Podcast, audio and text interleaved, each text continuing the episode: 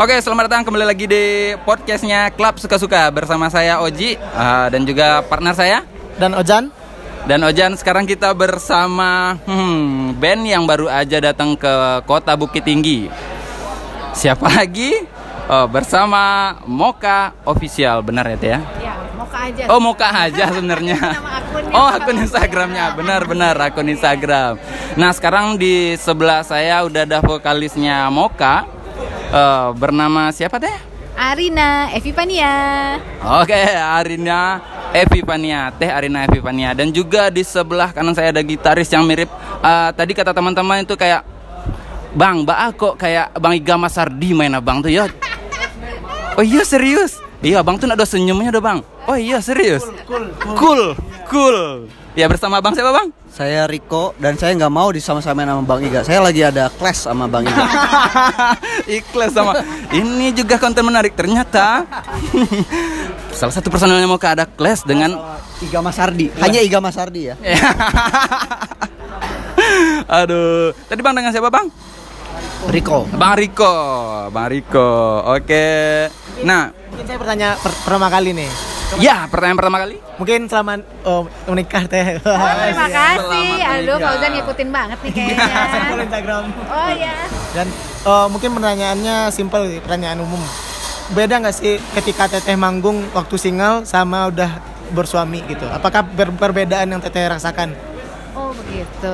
Sebenarnya tidak. Kalau misalnya dari teknik menyanyi dan penampilan di panggung, kayaknya hampir nggak ada yang berbeda ya, sama aja. Cuman kalau sekarang mungkin kalau manggungnya di Jakarta atau kota-kota yang eh, suami saya bisa ikut, dia kadang sering nonton. Ya itu aja sih. Ada penonton ekstra kalau misalnya udah menikah. Ya kalau misalnya feelnya sih sama aja kok. Oh, apakah mungkin gara-gara suami datang terus makin dalam gitu nyanyinya? Gitu? Bisa jadi sih, tergantung lagunya juga. Oh, iya. Eh, eh, bisa. Berarti nggak mengganggu ya Nggak mengganggu Justru bisa menambah semangat kalau lagi nyanyi, menambah ekspresi, pokoknya tambah oh, seneng. tambah senang berarti ya Teh ya. Betul. Iya. Ini pertanyaan buat eh, teman-teman katanya Bang Wiga Marsadi, tapi ternyata Abang Abang Riko. Bener ya Bang ya? Iya, Bang. Itu gaya mainnya emang kayak gitu, Bang? Gaya kayak gimana ya? Iya, tadi Abang tuh nggak ada senyum kata teman-teman. Wah ya emang lagi sakit perut. Enggak sih, emang gitu. Emang gitu. emang gitu mainnya. Emang gitu ya. Jadi buat teman-teman semua, Abang itu nggak sombong, oke? Ternyata enggak. Emang sombong nggak sih? Tapi cool aja, Bang. Iya, cool. Jadi keren cool kayak loh, Riko tuh yang hampir menciptakan hampir semuanya lagu-lagu Moka tuh Riko. Nah, rasain lo teman-teman semua. Ternyata yang buat hampir rata-rata karyanya dari Moka itu Mariko yang buat ya, Kak. Iya, Riko tuh sangat eh, produk produktif kalau misalnya bikin lagu-lagu. Mungkin kalau saya jumlahnya bisa dihitung dengan jari, cuma kalau kayak satu album My Diary itu yang nulis Riko semua. Wow. Cuma orang-orang nyangkanya aku ya. mungkin mungkin Mariko itu lebih mikir kan, main. Kayaknya mikirin karya kedua kayaknya apa nih gitu. Lebih mikir kan. Oh, ternyata Mariko sambil mikir mainnya ya. Nah, eh teh pertanyaan selanjutnya, kenapa dulu katanya Moka sempat vakum 2 tahun, benar nggak sih? Betul sekali, tahun lebih dari dua sih. Sebenarnya dari tahun 2011 sampai kurang lebih awal 2015. Oh, itu kenapa teh? Eh, karena saya sempat pindah domisili ke Amerika, Amerika Serikat selama beberapa tahun, tapi setelah tiga setengah tahun saya balik lagi ke sini dan akhirnya Moka bisa aktif lagi dan ngeluarin album di awal 2015. Wow, thank you dan juga ada Bang L di sini. Ya, thank you juga udah pernah sama Bang L cerita-cerita. Terus Bang Jan udah ingin ditanyakan sama Bang apa? Main sama Teh kita. Iya. Oh kan suami Teteh tuh orang Jepang. Ya, apakah eh, Teteh berminat untuk pindah ke Jepang atau enggak tetap stay di Indonesia gitu? Aduh, kamu khawatir sekali ya dari tadi. Kami cinta Moka. Eh, ya, saya sih belum kepikiran untuk pindah ke Jepang karena suami saya betah banget tinggal di Indonesia dan untungnya dia juga punya karir di sini dan dia juga sudah ngeluarin album dan kita baru juga merekam single bersama. Kayaknya sih sampai detik ini belum ada kepikiran tuh untuk pindah ke Jepang, masih betah di Indonesia. Oke, selamat buat teman-teman semuanya. Ternyata Teteh ini nggak mau pindah ke Jepang, benar ya Teh? ya? Enggak sih, nggak tahu kalau udah nenek-nenek ya. Kalau Kalau udah nenek-nenek baru. Mungkin, itu juga mungkin. Mungkin. Iya. Oke. Nah, buat Bang Riko lagi nih pertanyaannya. Bang, eh, kata Teh tadi eh, kata Teteh tadi eh, rata-rata seluruh karyanya Moka itu Abang ciptain. Eh, abang apakah masih single atau sudah mempunyai buah hati atau sedang mencoba mencari buah hati? Eh, saya udah ada buntutnya malah. Wow. Satu. Iya. Kan ada salah satu Moka yang terinspirasi dari anaknya Riko. Oh, ya itu lagu yang mana, Bang? Lagu teman sejati itu lagunya buat anak saya. Oh, ternyata lagu teman sejati itu buat anaknya Bang Riko. Ada beberapa lagu Moka yang eh, didedikasikan untuk anak saya kayak di album Home yang Building Memories terus eh, salah satunya dan teman sejati juga itu emang buat anak saya lagunya. Wes, ternyata dalam Bang Fauzan. Baik ini, makanya orang-orang jangan ini dong, jangan mengambil kesimpulan gara-gara dia kagak senyum. Rasain loh. Iya, Bang Mariko. Nah, eh, tips nih, mungkin karena waktunya terbatas mungkin eh, tips buat dari Bang Riko gimana sih bisa buat karya-karya yang karena berapa tuh sangat fenomenal sekali itu Bang Riko. Alhamdulillah kalau fenomenal. Sebenarnya yang penting sih eh, berkarya eh, apa ya eh, dari hati sih ya. Yang penting eh, jujur terus eh, selalu mencoba bikin yang baru. Emang nggak ada yang eh, nggak ada ada yang nggak ada yang original di bawah matahari ini. Tapi gimana kita caranya untuk selalu bikin apa ya? eh bisa digabung lah sebenarnya eh, referensi satu di- digabung sama referensi dua itu bisa jadi sesuatu yang baru. Karena yang penting itu sebenarnya karya.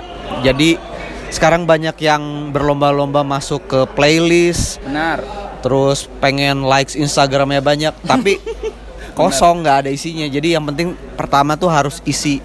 Kalau lima tahun ke depan itu orang nggak akan inget kontennya itu dulu waktu ngeluarin single gimana. Ya yang lima tahun ke depan yang diinget tuh lagunya Super sekali, sangat bijaksana sekali. Wow, Bang Riko sangat di luar ekspektasi saya ya di sini dan juga ini juga uh, pertanyaan request juga nih dari teman-teman yang di belakang. Kebetulan di situ ada juga teman-teman dari Sapu Tangan Merah yang main tadi teh. Oh iya. Terus ada teman orkes Kerpua Jange, kami juga sama-sama dari Padang. Eh, mungkin mereka nitip pertanyaan eh, apa yang bisa membuat Moka bisa konsisten lebih dari 20 tahun ya teh kalau nggak salah. Ah, Sebenarnya tahun ini kita tuh pas ulang tahun ke-20. Happy birthday, happy anniversary ya. Iya. Kasih. Makanya kita tanggal 20 Desember nanti akan melaksanakan konser perayaan 20 tahun ini. Iya. Ya, dan kita bakal kolaborasi sama banyak sekali band-band muda yang kemarin ikutan bikin tribute to Moka. Mhm. Jadi ada albumnya. Silakan kalau mau cari ya, isinya menarik banget. Jadi lagu-lagu Moka yang dibawakan ulang oleh para musisi-musisi yang berbakat ini. Wes. Di antaranya ada Koldiak, Mardial, Nonaria, Asteriska dari Bara Suara, terus ada Sky Sucahyo, ada Kelas Moka itu eh, adalah kumpulan dari orang-orang yang seneng dengerin lagu Moka dan Oh. bikin kayak semacam kelas main musik bersama dan akhirnya mereka diikut sertakan dalam album ini. Oh. Gitu. Terus terus Mustache and Beard, Mr. Enbir. terus sama The Panturas. Oh, The Panturas. Iya, ikutan juga. Pokoknya wah, keren banget nih album harus dengerin ya. Wes, gokil, gokil, gokil. Dan untuk rahasia kenapa bisa bertahan 20 tahun, rahasianya gampang sekali. Apa itu teh? Komunikasi. Oh, Ya. komunikasi. Mungkin ini terdengar sangat klise ya, tapi memang namanya bikin band tuh kayak pacaran. Kamu harus tahu membaca mood satu sama lain, Benar. bagaimana cara menyampaikan keinginan atau harapan atau mungkin saran dengan Benar. cara yang pas gitu dan harus Hmm. bisa baca situasi juga kan. Kadang Hmm. mood dia lagi begini, lagi nggak enak gitu. Ya, itulah yang membuat kita kayaknya bisa kompak selama 20 tahun ini. Wes. Jadi buat teman-teman yang lagi bikin band atau tengah me- meniti karir menjadi band yang sangat bagus itu ternyata eh, harus terjalin komunikasi yang baik ya teh ya. Terjalin komunikasi yang baik. Satu sama lain, ngerti satu sama lain ya. Ya, benar harus ngerti satu sama lain. Mungkin Fauzan ada pertanyaan lagi? Nggak ada ya, tapi saya ingin bertanya lagi ini sepertinya sangat penasaran. Teteh masih sibuk? Eh enggak, se- sekarang lagi eh, moodnya bagus. Eh, lumayan capek aja sih cuma karena membayangkan perjalanan nanti berangkat ke Padang subuh-subuh. Berarti langsung ke Padang. Jadi besok kita manggung jam 14.30. Jadi ngejar flight jam 6.20 dari Padang. Jadi berangkat dari sini jam 3. Membayangkan Wow. Wow. Wow. Jadwal mau kapan padat ya teh? lumayan padat, padat banget. Alhamdulillah. Itu tadi ah, abang yang ini siapa apa teh manajernya teh? Oh iya. Oh iya. Merangkap road manager. Oh iya. Lokal, orang sini orang lokal sini dia dari tadi ngegayat kita di ke Bukit Tinggi ini ternyata kotanya yang sangat cantik. Kotanya bagus banget. Tadi saya sempat jalan-jalan ke Iya. Jam Gadang, terus ke jembatan Nyobain itil ada hijau nanti.